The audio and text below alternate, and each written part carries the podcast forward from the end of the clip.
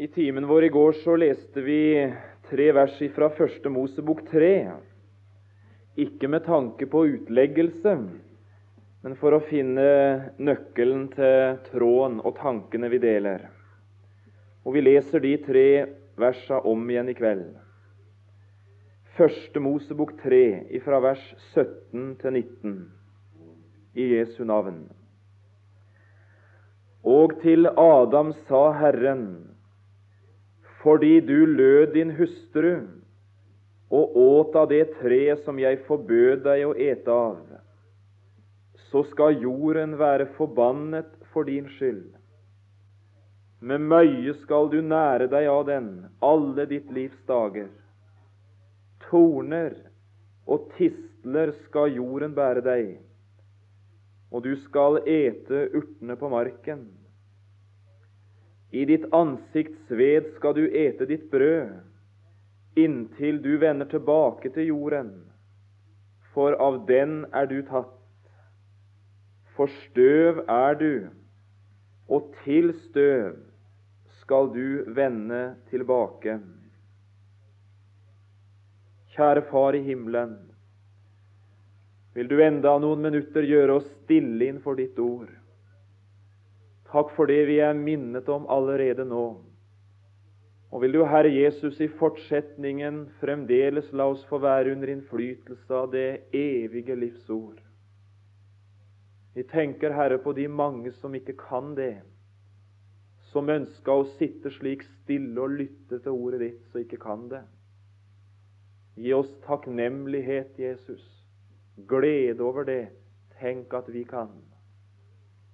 Så ber vi deg, gode Hellige Ånd, veiled oss også i kveld til tornebusken, og gi oss et våkent og åpent øre for ordene talt av Gud igjennom denne busken. Amen. Vi talte altså sammen i går om denne enkle tornebusk som Herren lot vokse fram i denne verden. Og vi fulgte i går to av de som møtte tornebusken, og som fikk oppleve at denne tornebusken på en ganske forunderlig spesiell måte formidlet budskapet ifra Gud. Vi talte sammen om hvorledes Moses gjennom den brennende tornebusken møtte Herren. Og vi talte også om Han som eh, med torner ifra busken ble ført til forbannelsens tre i vårt sted, for vår skyld. Denne enkle, lille tornebusken, den glemte aldri det den disse to gangene hadde opplevd. Hun glemte aldri hva inntrykk møtet med Herren hadde gjort på mennesket som slik fikk se hvem Gud var. Enda sterkere sto det malt for blikket hennes, det synet hun hadde sett, der smertenes mann ble ført til Golgata. Hun glemte aldri hvordan tanken hennes stoppa i dette. Skapningens verksmester er menneske? er den lidende, er den mishandlede, er blitt den knuste i verden. Og hun glemte heller aldri det lys hun så, etter fullbrakt, som han uttalte. Hun glemte aldri hvordan det grydde i øst, og det var som mulighetenes verden var den verden hun nå så. Det var tankene på Han som fylte henne.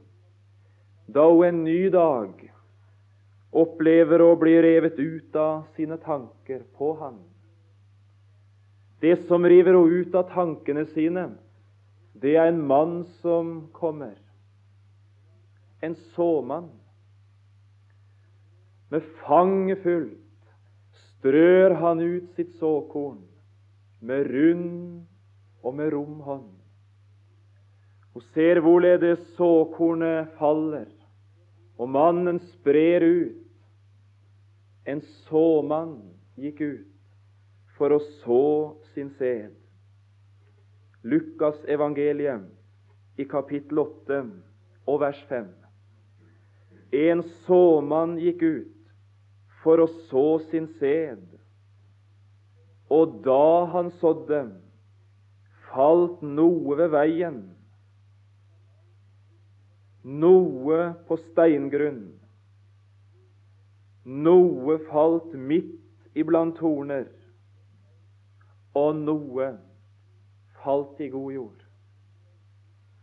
Og så spent tornebusken så og fulgte med. Hun kjente såkornets spirkraft. Hun visste noe om hva livsmuligheter det var når kornet ble lagt i jorden.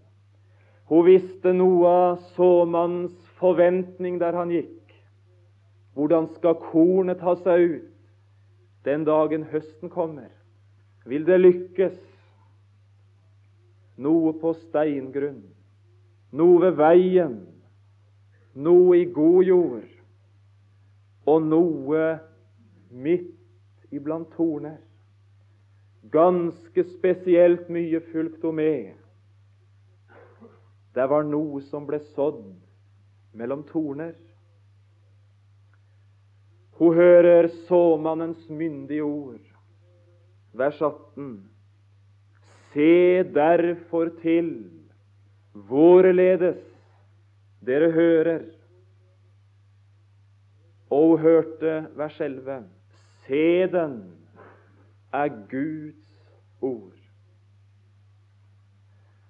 Det tornebusken nå ser, det hun er opptatt med, det er Guds ords muligheter i denne verden.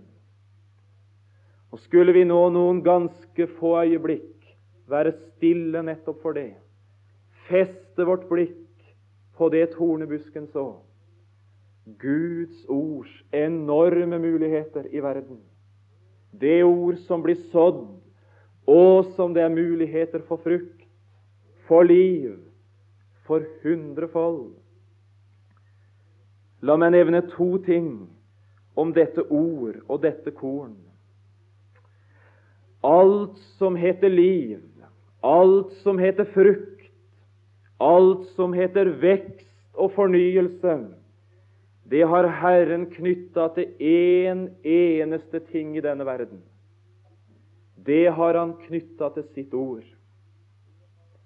Den som mangler liv i Gud, det er til ord han må. Den som ønsker å vokse som barn, det er til ord han må. Den som daglig kjenner trang til dette, Herre, forny mitt liv, det er til ord han må. Den som går med en trang, et ønske i sitt sinn å, om jeg kunne få være til velsignelse. Det er til ordet han må. Der Jesus i Johannes 17 taler med sin far, så er det noe stille, tillitsfullt og trygt over Mesteren. Hva er det som gjør han så trygg? Jeg har gitt dem ditt ord. Selv skal han hjem det eneste han lot igjen i denne verden, det var et ord. Og vi kunne spørre hverandre var nå det noe å gi dem? Kunne han ikke gitt noe mer? Kunne han ikke gitt noe annet? Et ord. Verden er jo så full av ord. Jeg har gitt dem ditt ord.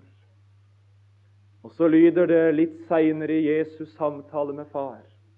Jeg ber ikke bare for dem, men for alle de som ved deres ord, ved det ordet jeg har gitt dem, kommer til tro på meg.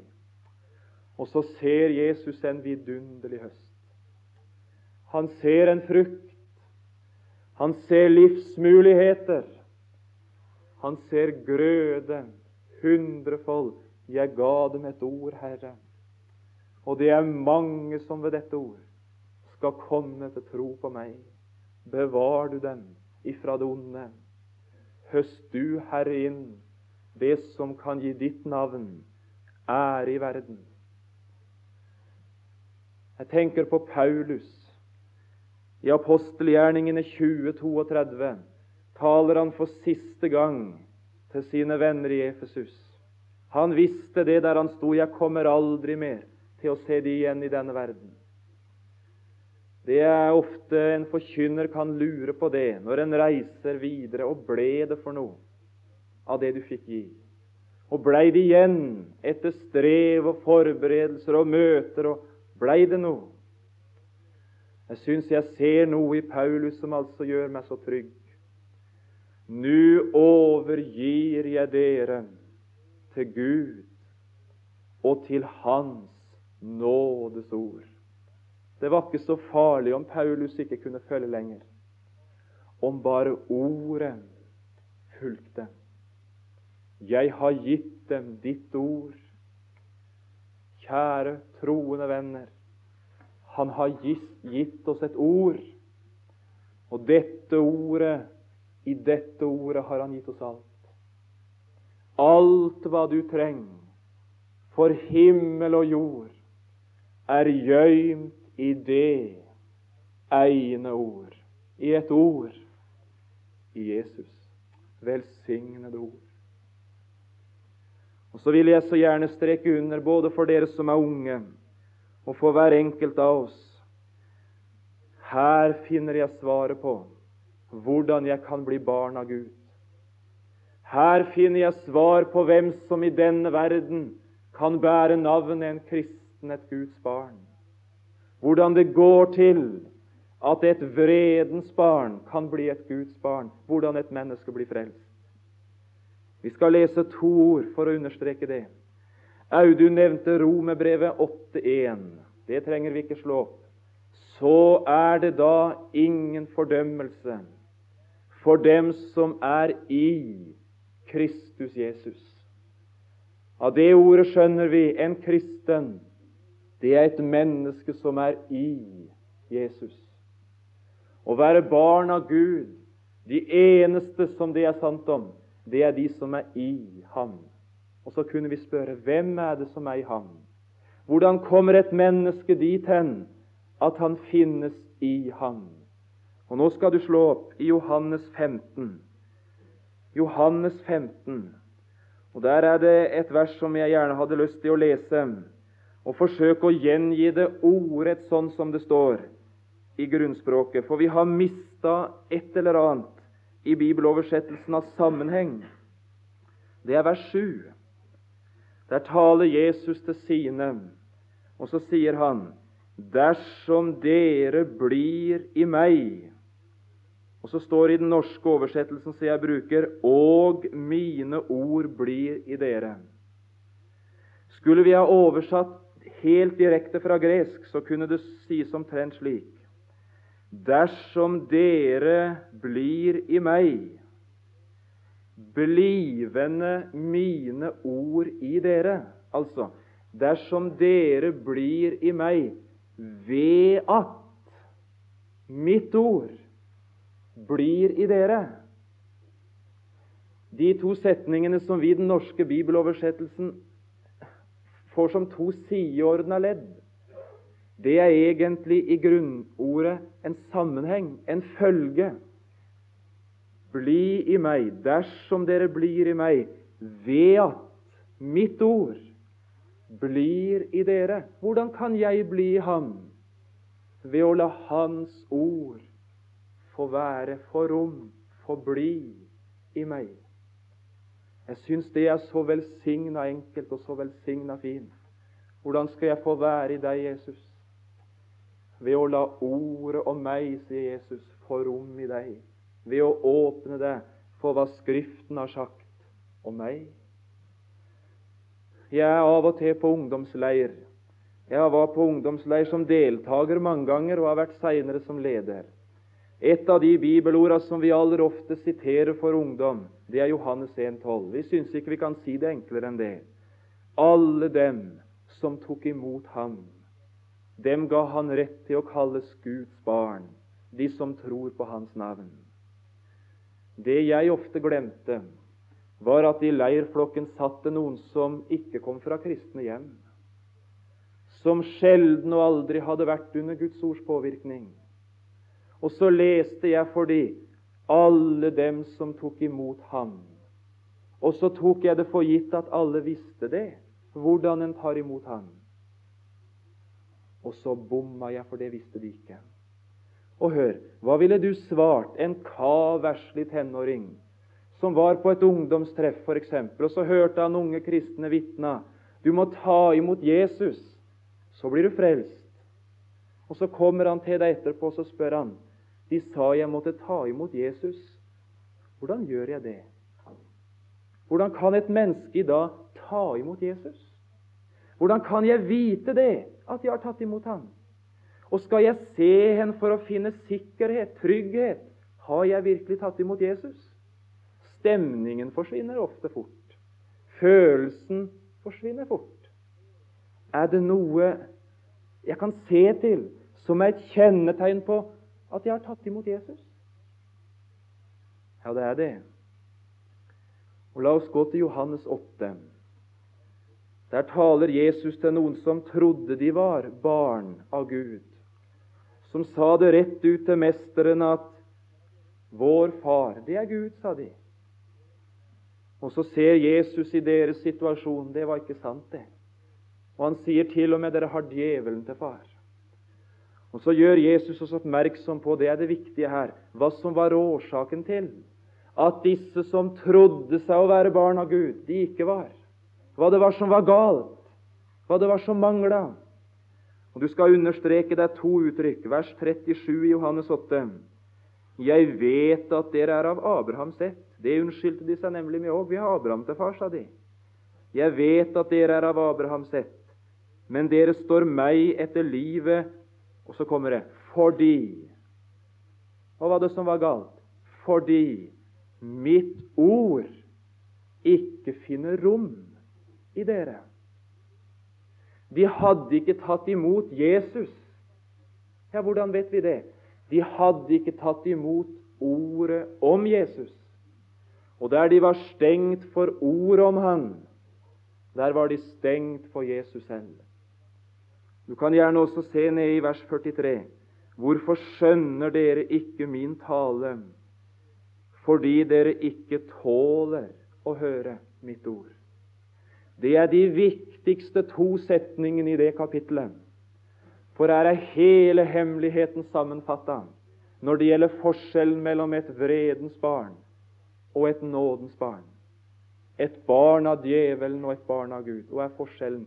Det er innstillingen til Bibelens vitnesbyrd om Jesus.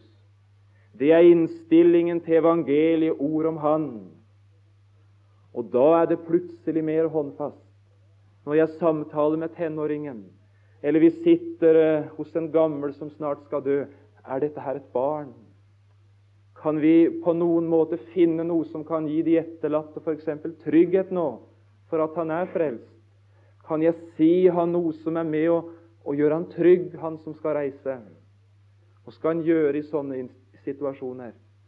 Du skal lese ord om Jesus for de så enkelt du kan. Les om stedfortrederen. Be Gud om å få noen enkle ord om hva Jesus er, og hva Jesus har gjort. Og så skal du legge merke til åssen reagerer disse her på dette ordet. Virker det på dem? Er de åpne for det? Går de inn? Fyller det et behov? Eller er de stengt? Preller det av? Er det ikke behov? Er det ikke klang? Og så skal du oppleve noe forunderlig. I veldig mange tilfeller er det nesten åpenbart, altså. Kan tru en merker forskjellen når en er på husbesøk på et gammelt, troende menneske og på en som aldri har vært i kontakt med det her. Det er jo en himmelvid forskjell. Du kan lese ord om Jesus for noen, og du kjenner åssen de suger det til seg. Ja, er det noe jeg trenger, så er det dette. Det er det eneste jeg har, og det er det eneste som jeg har bruk for. Å, men en kjenner at ordet om Jesus fyller et behov. Så er det andre. Nei, sier de, Gud tror jeg nok på, og jeg gjør nå så godt jeg kan, nå. men Jesus Nei. Han sa det i middagsstund etter radioprogrammet, en gammel mann. Han ble spurt om innstilling til religiøse ting. Jo, Gud tror jeg på, sa han, men det der med Jesus klarer jeg ikke. Stengt. Fylte ikke noe behov. Var ikke åpen for ordet om Jesus. Det er hele forskjellen på å være et djevelens barn og det å være et Guds barn. Og så spør jeg deg enkelt nå åssen virker det i ditt sinn, åssen virker det i ditt hjerte når du hører ord om Jesus? Åssen innstilling har du til det? Er det noe som fyller et behov i deg? Trenger du det? Har du åpna deg for det? Er du av de som kjenner Herre Jesus? Å, men jeg trenger ord om deg. Eller er du av de for hvem det er helt uaktuelt? Det er helt altså blått. Her er forskjellen. Om vi kunne hjelpe hverandre til trygghet og frimodighet. Jesus sier nemlig til Pilatus, Johannes 18, 37, Vær den som er av sannheten, hører min røst. Her er kjennetegnet på alle dem som er av sannheten, til forskjell fra de som er i løgn og lever på et bedrag. Vær den som er av sannheten, hører min røst. Og når Skriften bruker uttrykket 'høre', så er det mer enn med det blotte øret å registrere lyder. Det jeg hører, slik at en tar imot et budskap gjennom det en hører. Hører, hører. Du som har bruk for ord om Jesus, som har fått behov for dem, det er det eneste sikre kjennetegn Skriften anerkjenner på en sann kristen. Det er forholdet til ordet om Jesus. Kjære ungdomsleder, det må du aldri glemme.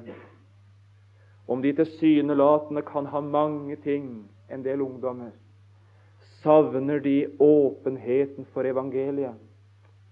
Savner de responsen, om du vil, for budskap om Han skal du være veldig forsiktig med å behandle de som troende og ta de med i enkelte sammenhenger som om de var frelst.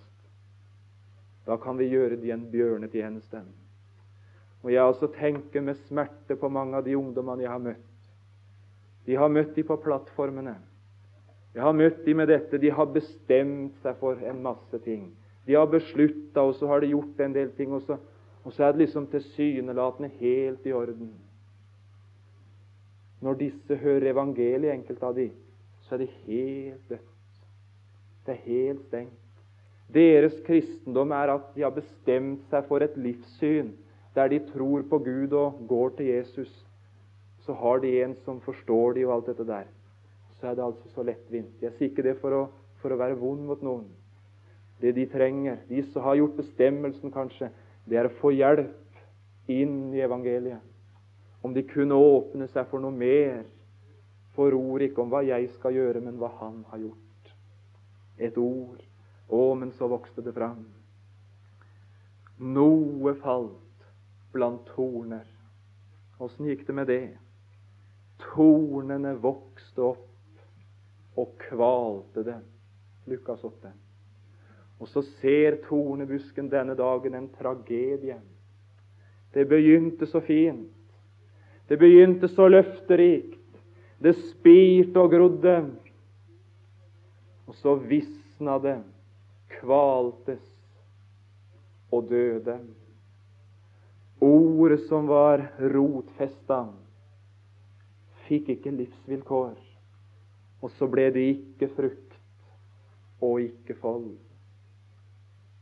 Hun så en tragedie. Og Nå skal vi slippe å legge, legge noen ting inn i ordet, for dette forklarer Jesus oss rett ut. Jeg har ikke tid å si noe mye om det. Jeg bare leser dem. Vers 14 i Lukas 8. Det som falt iblant torner, ja, hva er det med det? Det er de som hører. Og her var mulighetene. De som hører. Tenk, de hørte. Og mens de vandrer under bekymringer og rikdom og livets lyst.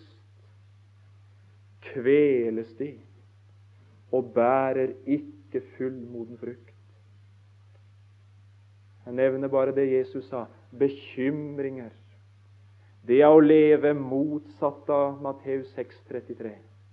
Søk først Guds rike og Hans rettferdighet, så skal dere få alt det andre i tillegg. Bekymringer er å leve stikk i motsatt. Det er å ta omsorg for alt. Og blir det litt tid igjen, så får vi se. Det er dødens vei. Guds rike kan bare søkes først. Ellers søkes det ikke i det hele tatt. Bekymringer, rikdom Det er ikke for ingenting at Jesus i Matteus 6, det samme kapittelet, taler slik Ingen kan tjene to herrer. Enten vil han holde seg til den ene og elske den andre, eller, eller motsatt. Eller sånn. Du kan ikke tjene både Gud og mammon. Vi lever i et velstandssamfunn der rikdommen er i ferd med å ta kvelertak på store deler av vårt folk, og der skatten for hjertet blir i verden, blir der ikke rom for rikdom i Gud. Bekymringer, rikdom og livets lyst. Tidens store ord er ikke yte, men det er nyte. Tidens ideal er ikke offer, forsakelse, overgivelse til Han. Tidens ideal er realiser deg selv. Stå på krava, lev ut det som er naturlig, og riv deg løs fra hemninger. Og så reindyrker en en lyst som ligger latent igjen. Det gamle mennesket, det er en virkelighet så lenge vi er i denne verden. Og du kan stole på det gamle mennesket med sin lyst krever sitt. Det var noen som forliste slik. De kastet fra seg den gode samvittighet, står det. Og så led de skipbrudd på sin tro. En kristen har korsfestet kjødet med dets lyster og begjæringer. I evangeliet om Jesus skulle en ny trang og en ny lyst og en ny vilje få overhånd. Jeg makta ikke å legge det noe ut, men det kvaltes, det som spirte så fint. Der gikk noe tid, og tornebusken ser igjen en mann, en ganske annerledes mann. Såmannen gikk ut så forventningsfull, så glad, så trygg. Denne mann går som pint og plagan. Hun ser han gå bærende omtrent som på ei byrde. Hun ser han kaste seg ned ved en stein, og ser hvordan hele mennesket er i kamp, i kamp med himmelen. Reiser seg opp, gjør han og går. Annen gang skjer det samme. Og tredje gang ser hun den samme lidende mann, bærende på byrde, prega av smerte, kaste seg ned og kjempe med himmelen. Den tredje gangen legger hun merke til en ny mann som kommer bort til den kjempende. Hun syns hun så trekk i han hun hadde sett før. Men kjenner han igjen, gjør hun først der hun ser naglegapa i hans hånd. Og så løfter han sine hender over den kjempende, lidende venn. Og så hører tornebusken noen enkle, sterke og kjærlige ord. Paulus, min nåde er nok for deg. Og som i et nu ser hun den lidende reise seg som løst. Det var som byrden var rast av. Det var som ansiktet hadde fått et befridd og et velsignelsesrikt trekk. Han reiser seg med noe av himmelglansen, og løper til sine venner. Og så hører hun han bære fram følgende Herren ga meg en torn i kjødet. Om denne ba jeg ham tre ganger. Gud, du må ta den fra meg. Du må ta det vekk. Det stikker. Hvorfor skal jeg bære dette? Og så kom han til meg, herlighetens Herre, og så talte han Paulus for at du ikke skal rose deg. Av de høye åpenbarelser er det gitt deg dette. Men min nåde, Paulus, den skal være nok for deg. Og min kraft, den skal fullendes i skrøpelighet. Andre Korinterbrev 12, fra vers 7 til 10, om du vil notere den. Og så huske tornebusken, han som noe tidligere var kommet, brutt av en eneste enkel torn, hadde han gjort. Nå visste hun hvor tornen satt, og hun visste noe om tornens hensikt. Det kunne vi ha talt mye om, jeg skal ikke prøve meg på noen utleggelse. Det har de lærde skrevet bøker om. Og jeg skal ikke prøve i to minutter å legge ut den sak. Men jeg ville så gjerne bruke dette bildet, og bruke det slik. Å være et Guds barn, det er å være Kristi etterfølger. Kristi vei gjennom verden, det var veien gjennom lidelsen til herligheten. Det var veien om korset til kronen. Det var veien om smerte til tilfredshet. Det var veien gjennom mørket til død. 1. Peter 2, 21. Derfor led også Kristus for dere og etterlot dere et eksempel at vi skulle følge etter i hans fotspor. En kristen kommer ingen annen vei til herligheten enn den veien Jesus gikk. Det gives ingen annen vei til kronen enn gjennom korset. Det gis ingen annen vei for en kristen til herlighet enn gjennom fornedrelse og smerte. I ei nytelsessjuk tid er det det verste vi kan forkynne. Veien til lys er veien gjennom et mørke. Og Jeg vet ikke om jeg når en eller annen nå som sitter og har opplevd akkurat det, både omkring deg og i deg så kjenner du noe som gjør vondt. Du kjenner angrep ifra verden, ifra djevelen, ifra andre mennesker, åssen det sliter på dem. Du får aldri bukt med noe av det som bor i din natur. Og det volder deg ved, både hvordan det gir seg utslag i tankelivet ditt, i orda dine og i gjerningene dine. Og så sanner du Paulus sine ord. Utenom oss var strid, og inneni oss var frykt. Det er en tjeners vei til herligheten. Det er de kår Jesus fikk, og han lovet ikke oss noe annet. La meg nevne tre enkle stikk, ikke som utleggelse, men for å komme en eller annen til hjelp. Jeg veit ikke hvor mange jeg har møtt som sliter med et stikk i sitt kristenliv. Gud, hvorfor skal ikke mine barn være frelst? Hvorfor skal de andre få sine med?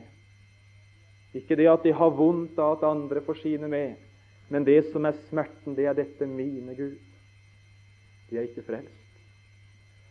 Jeg har møtt noen som ba for sine fra før de ble født.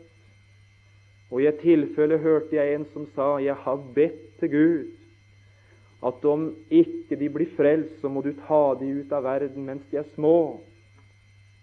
Det verste jeg kan tenke meg, Gud, det er at jeg skulle miste de for evigheten. Og så har de opplevd én en eneste ting, syns de. De har aldri gått noen annen vei enn bort ifra Gud. Du kan stole på det et stikk som smerter. Vi har møtt noen av de som ble pålagt sykdom i verden. De vet godt at Gud kan helbrede. De vet godt at Jakob 5 er en farbar vei. Kanskje har de gått den selv. De har kanskje sett andre på en eller annen måte bli reist opp og bli fridd, enten legemessig eller på andre vis.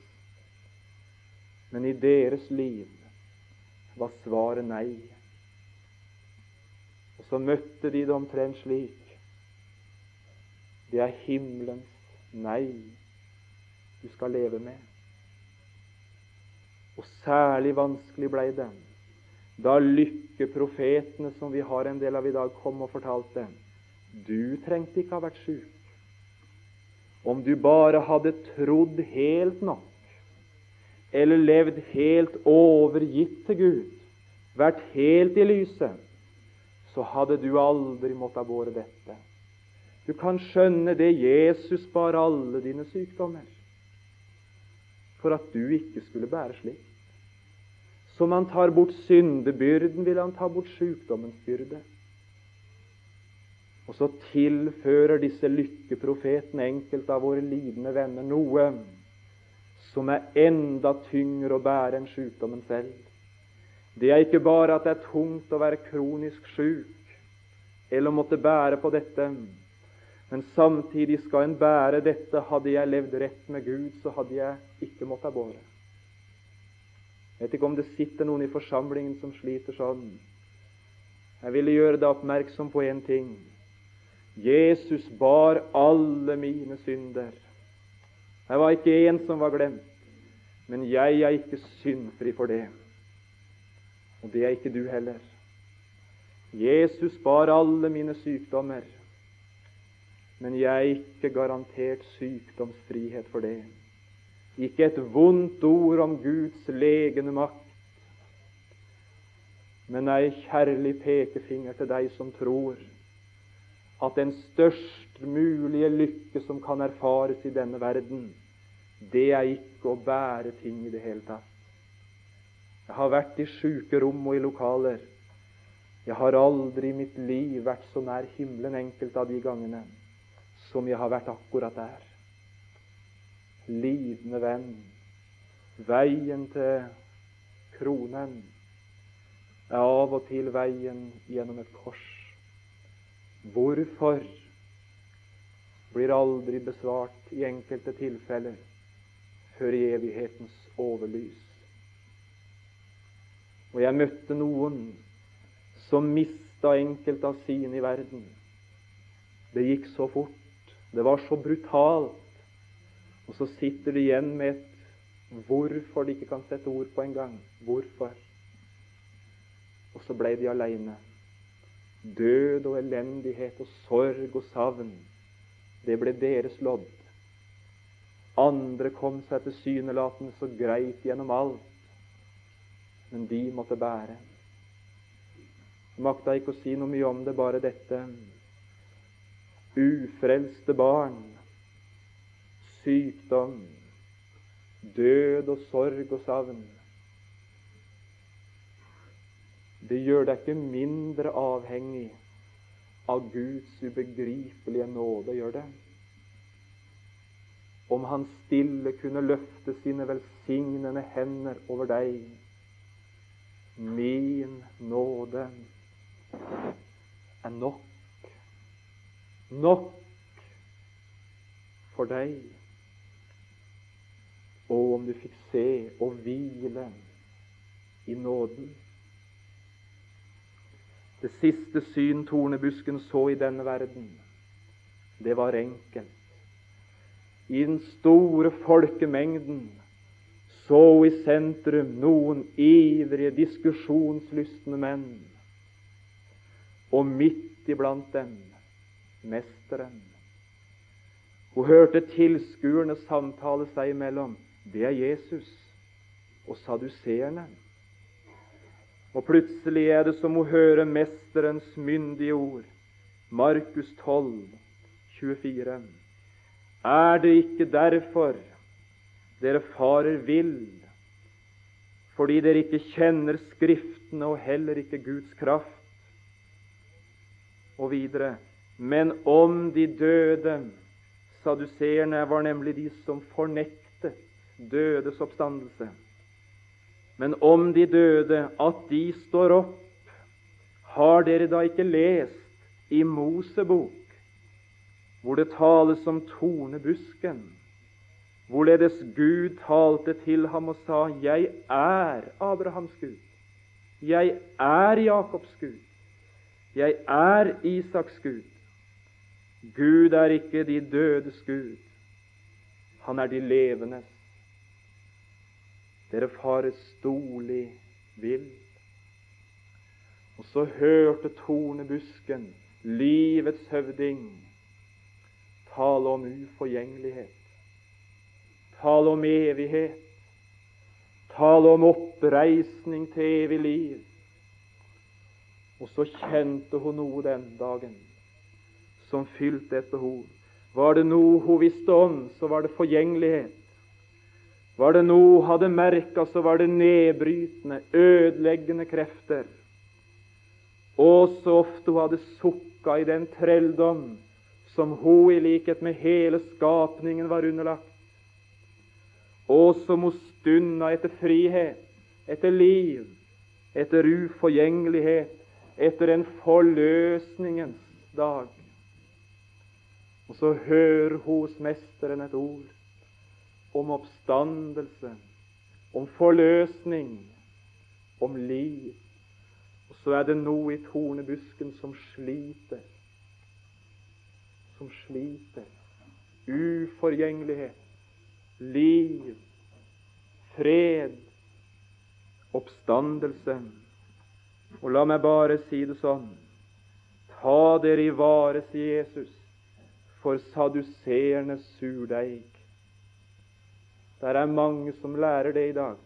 Jeg tror at jeg lever til jeg dør. Amen. Og så lever de som der ingen tilværelse finnes utenom denne verden.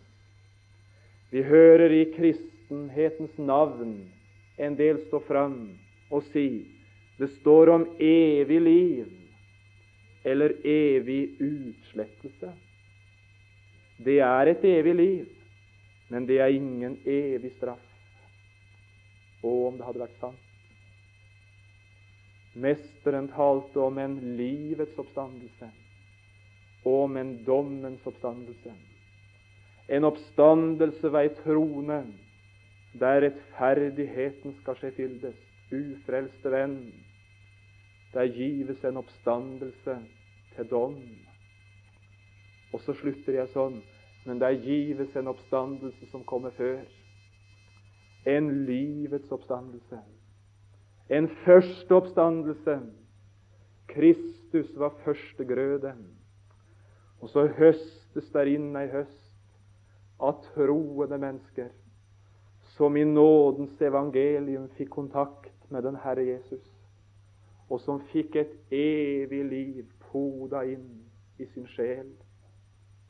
Det gives en dag da Han som er livets herre, skal reise det forgjengelige, det dødelige, opp til uforgjengelighet og til udødelighet, og som en til tider kan stunde til den dagen.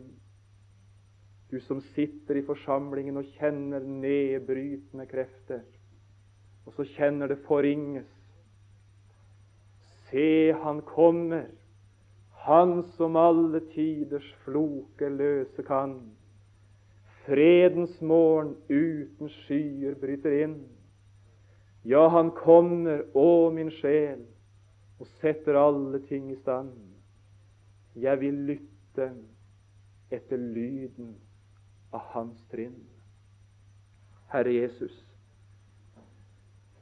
vi kjenner trang stille å takke for de syn, for de sannheter og for den lærdom du gir oss gjennom tornebusken. Takk, Herre, for det evige livs ord.